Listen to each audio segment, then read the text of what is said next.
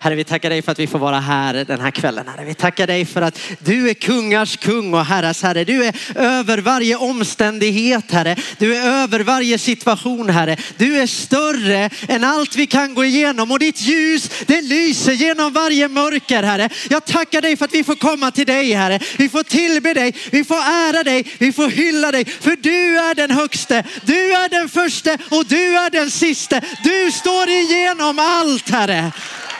Och du är värd våran lovsång. Tack Herre för det. I Jesu namn. Amen. Nyhem. Vad härligt att vara här. Simon Skogs... Yes, Kungälv! Simon Skogström heter jag. 33 år gammal, gift med underbara Hanna och har tre fantastiska barn och 22 härliga ungdomar som sitter här framme. Gött. Nyhem. Alltså Nyhem. Jag älskar Nyhem. Jag älskar Jesus mer, men jag älskar Nyhem. Nyhem har betytt så mycket i mitt liv. Nyhem har fått vara platsen där jag har fått ta avgörande beslut. Nyhem har fått ge mig gudsmöten som har fått sitta i hela mitt liv från den stunden de var det. På Nyhem har jag fått uppleva gemenskap, jag har fått träffa nya vänner, jag har fått uppleva kärleken från Jesus, men också på andra sätt. Och året är 2005. 2005, vi är på Nyhem, det var innan den här hallen. Många av er minns inget annat. Ute vid liksom barnmötestältet så stod det ett stort tält och det var där man hade möten. Och precis som nu så hade man helt fantastiska nattmöten där Gud gjorde mycket. Men det här året så hade jag lite av ett annat fokus också. Oj, oj, oj. Det var något som intresserade mig lite extra. En alldeles sådär speciell tjej som eh, jag blivit ihop med några månader innan. Det här var på tiden när jag var lite yngre, lite töntigare, absolut mycket smörigare och lite mer osäker på mig själv. Vi hade varit ihop någon månad i alla fall och nu var vi på Nyhem tillsammans med varsitt kompisgäng så vi sov i olika husvagnar som man borde göra. Men vi såg till att spendera all vaken tid tillsammans. Så en dag så är vi ute och går en promenad. Är någon som gått en promenad med den ni tycker om liksom? Man håller handen. Vi gick ner mot stranden. Åh, vad härligt nu, stranden som ligger här nere vid stråken som sjön heter. Och så när man kommer ner till den där stranden så kan man svänga av åt höger lite grann sådär. Där fortsätter vi gå. Fåglarna kvittrar så där lite extra mycket som de gör när man är kär vet. Fjärilarna snurrade i magen och livet var allmänt gott. Jag skuttade runt som på rosa Lite den känslan. Jag går natur, hon pluggar florist. Så kommer vi så långt. Det undrar ni varför det är.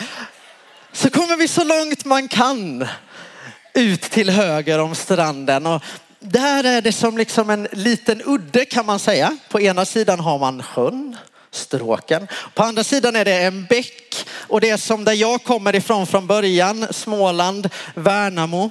Eh, skulle man kalla typ Möse eller Mosse. Och där stannar vi upp, solen lyser, det glimmar i vattnet. Ni vet när man är kär så glimmar det lite extra. Fåglarna kvittrar sådär högt. Det hade kunnat komma en björn och liksom brumma i örat om man hade uppfattat det som vackert.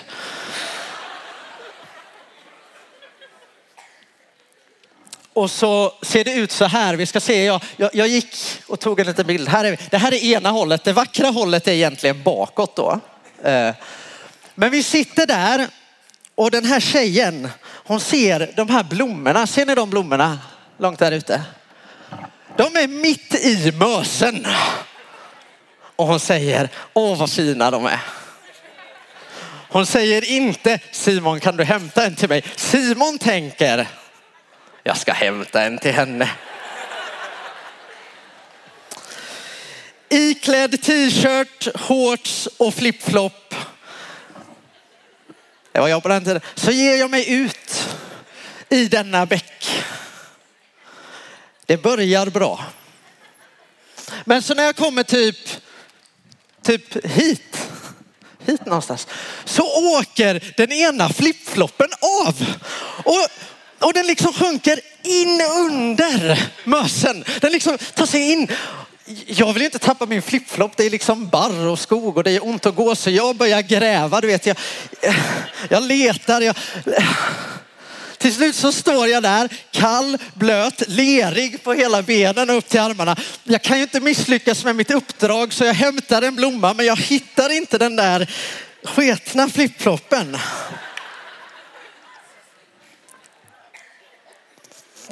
Och, och den där tjejen, det där som var romantiskt blev ju snarare väldigt komiskt och, och, och skrattretande. Och som jag har lärt mig nu eftersom hon ändå gifte sig med mig.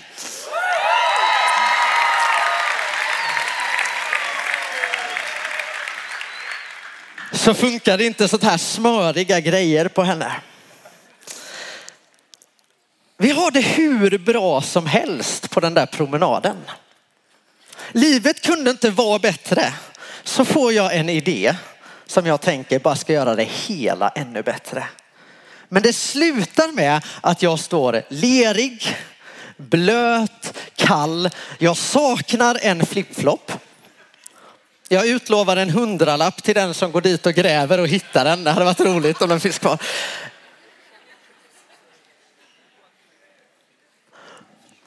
Och tvungen att gå tillbaks med ena liksom halvt barfota eller vad ska man säga? Liksom så här, på kottar och från de här underbara Nyhemstallarna och barr. Ibland kan det vara precis så där med livet och med tron. Ena stunden så är allting fantastiskt. Är det någon som har märkt det? Och så händer det någonting. Man är liksom på rosa moln och det är härligt och vackert. Och... Så plötsligt så går någonting emot dig och utan att veta om det så står du där utan flipflop på foten, lera på benet och lera på armen. Och det är lite jobbigt. En annan dag som det svängde rejält för mig, det var söndagen för två veckor sedan. Hem till mig kom några av de här 20 ungdomarna som sitter här framme och skulle kidnappa mig. Det var ganska okej för de kidnappade mig för att spela paintball. Det har jag aldrig gjort innan. Det var sjukt roligt. Och om man delas in i två lag och man skjuter färgkulor på varandra från goa gevär. Och så länge man är i lag så är det ju nice. Men så hände det här. Vi ska se om det kommer en film här någonstans.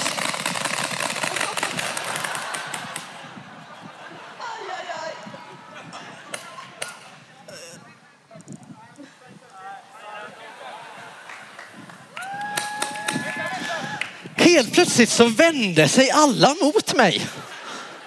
Till och med mitt eget lag. Och jag skulle springa liksom från ena sidan av en eh, åker till en annan. Egentligen skulle jag springa tillbaks också men jag var för klen för att fixa det. För de där kulorna som jag nyss hade tagit när jag spelade i laget, för jag var märkt hela tiden så det var okej att skjuta på mig mer än en gång av någon anledning. Det var mycket lättare att ta dem i laget än när det var jag mot alla. Och ibland kan livet vara precis så där. Ena stunden är allt gött. Du är i ett lag. Det är fantastiskt. Nästa stund så känns det som att alla bara står och skjuter på dig. Så kan det vara med tron ibland. Nu på Nyhem, allt är gött. Vi börjar liksom med härlig lovsång. Jesus är så där nära. Och alla runt omkring bara älskar Jesus. Tillsammans med dina vänner så får du upptäcka mer av Jesus. Ni får ha det riktigt gött. Men som några dagar, veckor eller månader så kanske det känns helt annorlunda. Du har kommit hem och även om du vill så har du inte Nyhem hemma. Du kanske är den enda kristna bland dina vänner, på din skola, på ditt jobb, i din familj. Du kanske är den enda i din ålder i din kyrka. Och plötsligt så är det där som var så underbart så långt bort. Du står där med leriga ben och armar. Och utan flipflop. Och kanske står det till och med en hel grupp och skjuter på dig. du känner dig ensam och som du bara får ta emot skott. Idag vill jag snacka med dig lite om de stunderna. Jag vill snacka med dig om att Jesus håller även då.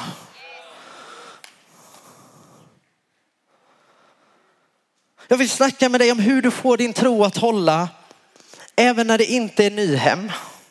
Och jag vill att du ska förstå att Jesus är precis lika stor i din vardag. Han är precis lika nära dig i din skola, på ditt jobb som han är här på Nyhem. Jag vet att du kan få en tro som håller, inte bara när det är nice på konferens, utan varje dag. En tro som inte handlar om dig, utan som handlar om honom. Han som är den störste. Han som är den högste. Han som är större än varje omständighet. Han som går med dig genom hela livet. Det kanske inte alltid känns så mycket men vår tro ska inte byggas på känslor. För det är ändå sant. Jag tror du kan få en tro som klarar av att överleva och inte bara överleva. Vi till och med kallar det att segra. Därför att han har segrat. En tro som klarar av att segra, inte bara när livet är på rosa moln, utan när livet är mörkt och tufft. För det är livet ibland. En tro som klarar av att segra, inte bara på rosa moln, utan också i den grå vardagen. Du är kallad att leva i en segrande tro. Och vill du bara minnas en sak från min predikan idag, en poäng så är det denna. Din tro segrar när den slutar handla om dig och den börjar handla om honom. Alltså din tro segrar när den slutar att handla om dig, dina omständigheter och det du står i och den börjar att handla om honom. Om Jesus. Ordspråksboken 3 och 5 till vers 10 så står det så här. Förtrösta på Herren av hela ditt hjärta. Förlita dig inte på ditt förstånd. Räkna med honom på alla dina vägar så ska han jämna dina stugar. Var inte vis i dina egna ögon. Vörda Herren och undvik det onda. Det ska ge hälsa åt din kropp, kraft åt alla dess ben. Ära Herren med vad du äger och med det första av all din gröda. Då ska dina lador fyllas av rika skördar och dina pressar flöda över av vin. Wow. Det är gött när det hörs så här. Då vet man att man har bra mick liksom.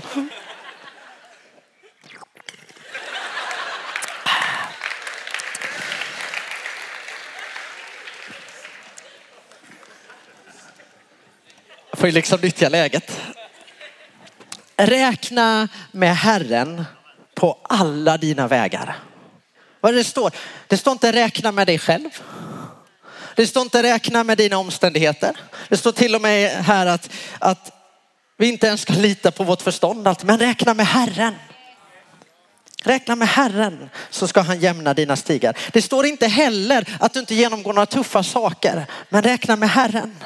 Hela vårt tema den här veckan har varit kom och följ, vadå, mig.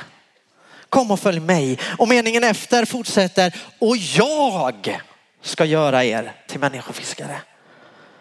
Fokus är hela tiden Jesus. Vi följer, han gör. Vi tar rygg. Han gör. När vi sätter fokus på Jesus då förändras perspektiven. Det omöjliga är inte längre omöjligt. Den ensamme är inte längre ensam. En tro som segrar, en tro som är mindre fokuserad på dig och mig och mer på Jesus. Det är han det handlar om. Det är han som är svaret. Det är han som allt handlar om. En tro som segrar, inte en tro som bygger på dina känslor, dina omständigheter, utan på honom. Det handlar om Jesus. Det handlar om att han redan har vunnit seger och därför kan din tro segra. Det handlar om att han dog för 2000 år sedan på ett kors och där fullbordade han allt. Vi glömmer så lätt det. Tror att vi ska lägga till eller kan dra ifrån. Han fullbordade allt.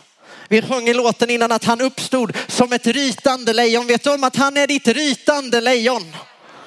Han är ditt rytande lejon som står på din sida. Han är också ditt lamm. Han är den som besegrade döden. Det handlar om honom. Han är den första och den sista. Han är himlens och jordens skapare. Kolosserbrevet kapitel 1 och det här är mitt det är absoluta favoritbibelord om Jesus. Säger så här från vers 13 till 21 och jag läser från the message. Vi ser på sonen Jesus alltså. Och vi ser den Gud som inte kan ses. Vi ser på sonen.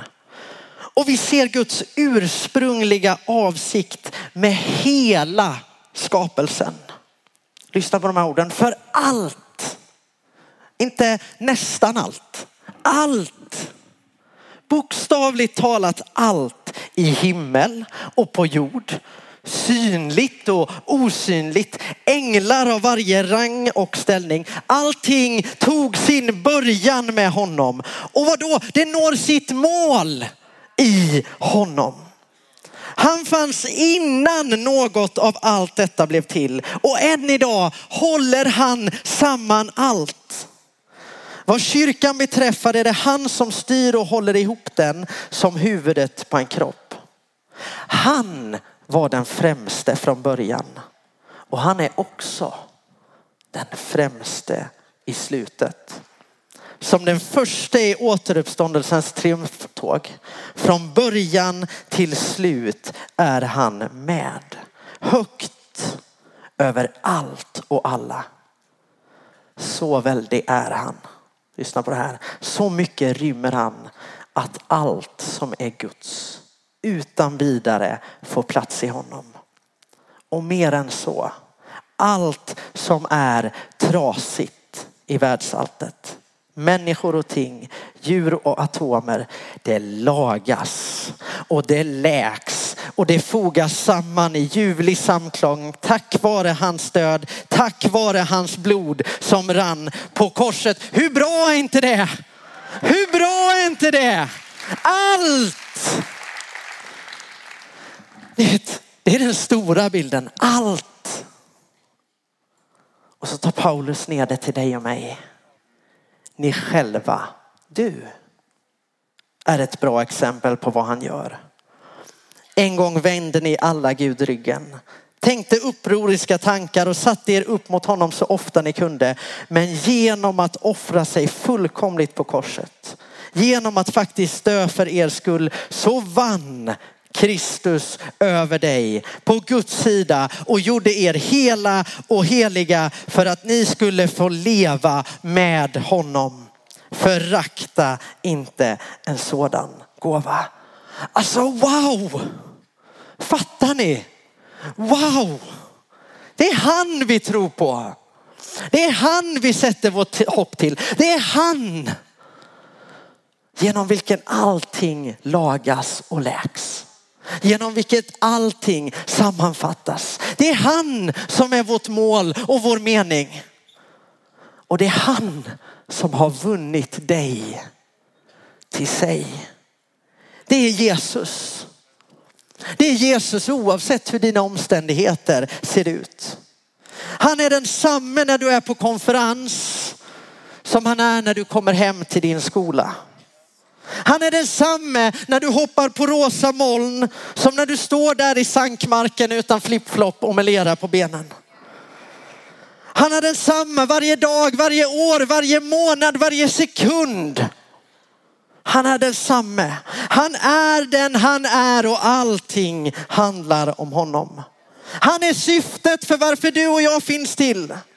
Och oavsett hur livet ser ut så förtjänar han att stå i centrum. En tro som håller är en tro som fokuserar mindre på dig och mer på Jesus. Det är Jesus. Han står stabilt för evigt. Han står genom alla tider. Det Jesus gjort för dig och mig, det håller.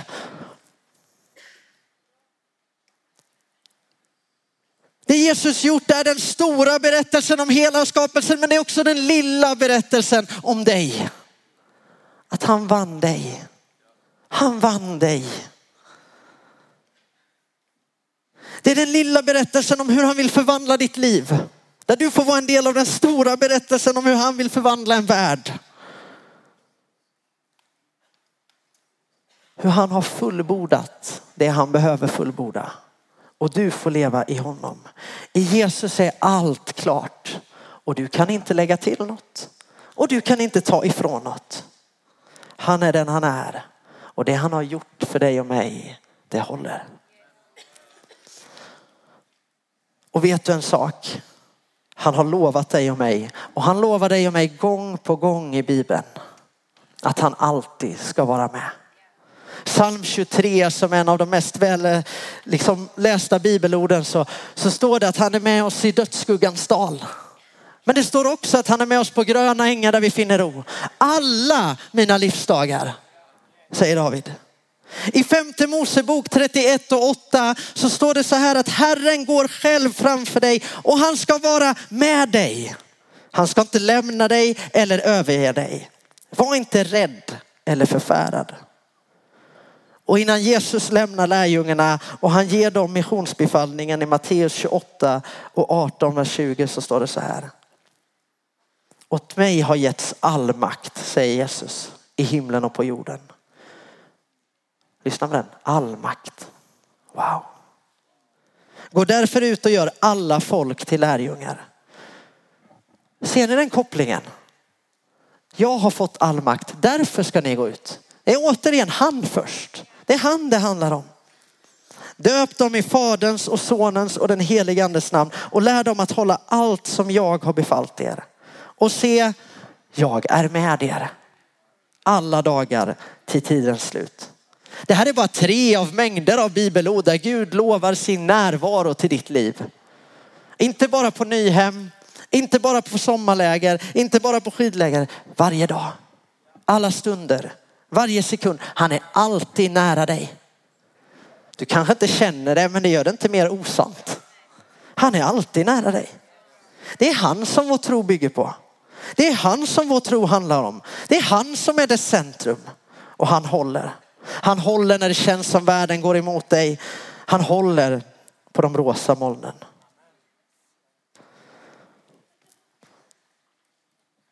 Han är större än varje omständighet du möter.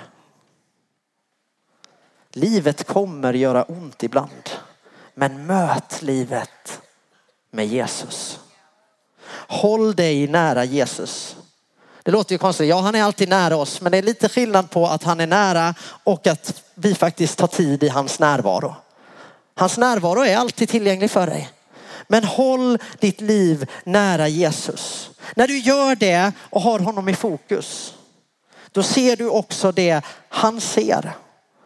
Så har du en tro som är fokuserad kring dig, mig och mitt, ditt eget, eller har du en tro som är fokuserad på Jesus? I andra kungaboken 6 så finns det en story om två män. Den ena är profeten Elisha och den andra är hans lärjunge. Israels folk ligger i krig med arameerna och arameerna försöker att överraska israeliterna lite överallt så de slår läger på olika platser. Men då är det så att profeten Elisha, han får höra från Gud vad arameerna ska hålla till. Så han talar om för Israels kung att där är arameerna idag. Den här arameiska kungen han blir ju lite konfunderad till slut liksom för, för på den tiden så fanns, fanns det ju liksom inte massa andra sätt att hålla koll. Du kunde inte skicka ut en drönare eller ha en satellit liksom. Det var hästar och vagnar och grejer. Så han tänker, jag har en spion bland mig. Så han börjar fråga sina officerare, vem är det egentligen som snackar med Israel? De vet ju alltid vad vi är. De vet ju alltid vad vi gör. Och då säger de till honom, det är ingen av oss. Men gudsmannen Elisha, Gud talar till och med om för honom vad du viskar i din sängkammare. Snacka om närhet med Gud. En god koppling så. Så då säger den arameiska kungen, vi ska gripa Elisha. Så han sänder sin här till en stad som heter Dotan där Elisha håller till. Och de kommer dit på natten och tidigt på morgonen så stiger Elishas lärjunge upp och då står det så här. Andra Kungaboken 6 och vers 15 till 17. När gudsmannens tjänare tidigt på morgonen steg upp och gick ut. Se då hade en här med hästar och vagnar omringat staden. Tjänaren sa till gudsmannen, O min herre, vad ska vi ta oss till? Han svarade, var inte rädd. De som är med oss är fler än de som är med dem. Och Elisha bad, Herre öppna hans ögon så att han ser. Då öppnade Herrens tjänarens ögon och han fick se att berget var fullt av hästar och vagnar av eld runt omkring Elisha. Två män. Den ena har fokus på sin omständighet. Här är hästar och vagnar. Det är ute med oss. Men Elisha, han visste vilken Gud han trodde på. Den som är med oss är fler. Säger han, Herre öppna hans ögon. Jag tror att vi behöver öppnade ögon för vilken Gud vi tror på. För vilken Gud vi tror på. De som, är, de som är mot oss är färre än de som är med oss. Det är alltid så. Han som bor i dig är större än han som bor i världen. Om Gud är för dig, vem kan vara emot dig?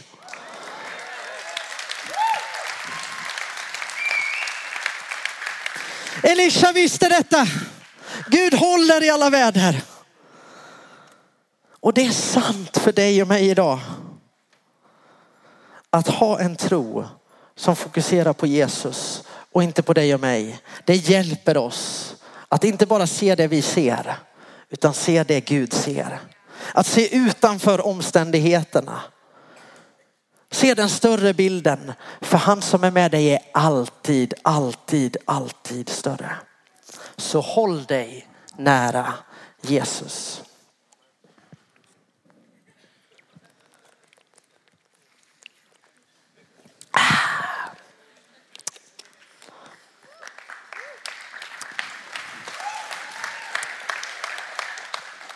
Men nog första gången jag får en applåd för jag dricker vatten. Men hur håller jag mig då nära Jesus? Hur håller jag mig nära Jesus? Jag vill ge dig sex snabba punkter. Sex snabba tips för att hålla dig nära Jesus. Och nu, nu vill jag att du förstår det här rätt. Det här är inte för att förtjäna Guds närvaro. Det här är inte för att förtjäna den han är. Det kan du aldrig göra. Han har redan gjort allting klart. Vägen är alltid öppen till honom. Bättre skulle egentligen vara, hur lär jag känna Jesus? Sex bra tips för att lära känna honom bättre. Det första jag vill ge dig, dopet. Om du var på Bible Boost häromdagen, jag kan inte säga det mycket bättre än vad Tiglet sa det. Dopet, vet du det är grund för din tro. Om du har beslutat dig för att du tror på Jesus, då är nästa naturliga steg att du döper dig i tro. Hebreerbrevet 6 uttrycker att det är en av grunderna och du vet, det Tiglet sa var att innan grunden blir lagd så kan du inte bygga huset. Kontrollanten som kommer ut och tittar på ett hus, han kollar tre gånger på grunden och en gång på det färdiga resultatet. Så viktig är grunden. Om du har sagt den här veckan, jag vill tro på Jesus. Se till att döp dig. Vänta inte. Det är inte, det är liksom ingen grej som du behöver vänta på för du behöver inte vara färdig. Jesus har gjort allting färdigt. Döp dig. Min andra punkt för att du ska hålla dig nära Jesus och lära känna honom mer, det är tillbe och be. Be. När du ber till honom, du får berätta allt. Du vet, du får, får lyfta allt. Du får komma till honom när livet är på rosa moln och du får skratta med honom. Du får också komma till honom i dödsskuggans dal och du får klaga. Du får vara arg. Gud tål det. Be. Men be inte bara, tillbe. Tillbe. Tillbe honom för den han är. Tillbe honom även när du inte känner det. Tillbedjan, det är inte en känsla, det är ett beslut. Det är inte en känsla, det är ett beslut. Bestäm dig för att ditt liv ska tillbe Jesus. Bestäm dig för att du är den som hänger dig när vi lovsjunger honom. Oavsett om det är din kyrka på söndag och du tycker att sången är tråkig. Gud är ändå värd tillbedjan. Bestäm dig för att du ska lyfta honom högt. Bestäm dig för att du lyfter honom även när omständigheterna är tuffa. För han är fortfarande densamma. I psalm efter psalm i saltaren så kan vi se hur de klagar för att det är tufft men det slutar nästan alltid med, men du är större. Du är högre, du är underbar, du kan lösa situationen. Tillbe honom. Mitt tredje tips, Bibeln. Läs den. Lyssna till den. Vet du, Bibeln, det innehåller den stora storyn om vem Gud är. Om vem hans skapelse är. Vad som hände i hans skapelse. Storyn om hur han skapade allt. Han skapade oss människor. Storyn om hur vi vände honom ryggen. Men också storyn om hur han inte lämnar oss där. Utan han blir människa. Han vinner en evig seger. Han lämnar himlen för att gå på jorden så att vi ska se vem han är. Han stiger upp till himlen igen för att en dag komma tillbaka. För att upprätta allt och göra allting nytt. Det är den stora storyn. Men Bibeln innehåller också den lilla storyn till dig och din vardag. Bibeln är inte bara en bok som berättar en berättelse, det är en levande bok med levande ord. Som när du läser så kan den heligande öppna den för dig. Tala in i ditt liv där du är just nu. Ta ord som skrevs för två eller tre tusen år sedan och bara låta dem träffa ditt hjärta. Förändra din vardag. Det är inte bara en story, det är Guds levande ord till dig. Det är hans tilltal till dig. Läs den. Mitt fjärde tips, gemenskapen. Kyrkan. Prioritera inte ner det. Oavsett hur din kyrka ser ut, gemenskapen. Och jag tror att i gemenskapen så behöver du ha tre typer av personer. Du behöver ha vänner. Vänner det är de som kanske är ganska lika dig. Ni står någonstans på samma nivå i livet. Ni kanske har kommit någorlunda lika i er resa med Gud. Ni delar livet tillsammans. Ni ber tillsammans. Gör det med era vänner i kyrkan. Inte bara i kyrkan utan när ni träffas hemma. Du behöver också andliga föräldrar. Det är den här som får tala in i ditt liv, som har gått några steg längre, som kan hjälpa dig. Som kan säga det där var inte riktigt bra men gör så här istället. Det där är du grym på. Som kan lyfta dig, som kan hjälpa dig att ta nästa steg. Du behöver också hjältar. När jag var i eran ålder så hade jag tre hjältar i min församling i Arken i Värnamo som jag växte upp i. De hette Lennart, Gösta och Gladys. Lennart var en gammal pastor som var pensionär nu och som jag träffade en gång i ett bönerum och som fick berätta om hur Jesus varit med i hans liv. Gösta var bönegubben som ställde sig upp i varje gudstjänst och hade något att säga från Gud. Men som också alltid lyfte och uppmuntrade. Gladys var en gammal evangelist som hade åkt runt till sina amerikanare och gjort allt för att höra talas om Jesus. Vet du vad? Missa inte de äldre i din församling. Missa inte de som gått före. Du vet, du behöver inte hålla med dem om allt. Du behöver inte tycka som de är allt. Men det är människor som gått sina liv med Jesus. Du vet, de har, de har gått de där tuffa stunderna med Jesus och det har hållit. De har gått de där glädjestunderna med Jesus och det har hållit. Och du vet, att få höra lite av deras berättelse. Det kan hjälpa dig att hålla dig nära honom. Min näst sista punkt. Den helige ande. Jesus säger själv i Johannes 14 att den helige ande ska vara våran hjälpare. Han säger till och med till lärjungarna att det är bättre för er att jag går bort. Så att den helige ande kan bli utgjuten över er. Varför då? För att den helige ande är Guds närvaro i dig. Guds hjälpare i dig. Varje dag. Har du inte fått uppleva den helige ande, fortsätt sök. Fortsätt sök. Den helige andes uppdrag är hela tiden att peka på Jesus. Den helige andes uppdrag är hela tiden att tala om vem du är i honom. Det står att han är den anden som ropar ut i dig att du är hans son och hans dotter. Den helige ande hjälper dig att minnas vilken identitet du har när du själv brottas med vad som händer. Den helige ande. Min sista punkt. Andas ut. Är det någon som har märkt att man inte kan andas in hur länge som helst? Du kanske kan sångträna lite som Gabriel så vet du att du kan fylla lungorna lite mer så här. Så här. Men det går till en gräns. Du kan liksom Det går liksom inte. En tro som lever behöver också andas ut. Mina första fem punkter handlade om hur du andas in. Vet du att ett av de bästa sätten att lära känna Jesus mer, det är att ta det du redan har fått från honom och ge det vidare till någon annan.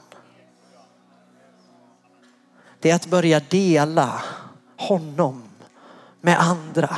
Och han kommer överraska dig vad du gör. Vad han gör och vad du får göra i honom. När du börjar andas in och andas ut. Ditt liv med Jesus behöver leva i både inandning och utandning. Men också att du andas ut. I att bara slappna av. För det handlar inte om dig. Det handlar om Jesus. Du kan slappna av för det är inte ditt verk. Det är inte vad du behöver göra, det är vad han gör i dig. Och all förvandling, precis som Andreas sa, den börjar från insidan och ut. Det handlar om Jesus. Det handlar om Jesus. En tro som håller av fokus på Jesus och inte på dig. Det handlar om Jesus. Det handlar om Jesus. Det handlar om Jesus. Han är poängen, han är syftet, han är målet. Det är i honom, genom honom som du lever, rör dig och är till. Han har vunnit seger, han har övervunnit världen och han är med dig och mig varje dag. Till tidens slut. Så låt oss just nu bara ställa oss upp. och tillbe honom tillsammans. För det handlar om honom. Vi börjar inte den här stunden i någon inbjudan. Vi börjar med att tillbe honom en stund tillsammans. För det handlar inte om dig och mig, det handlar om honom. Oavsett hur din omständighet ser ut här inne idag, oavsett om du är rädd för hur din vardag kommer vara, nu lyfter du honom högt. Nu lyfter du honom högt. Du behöver inte känna massa, tillbe honom för han är värd det. Tillbe honom för han är värd det. Vi lyfter honom högt.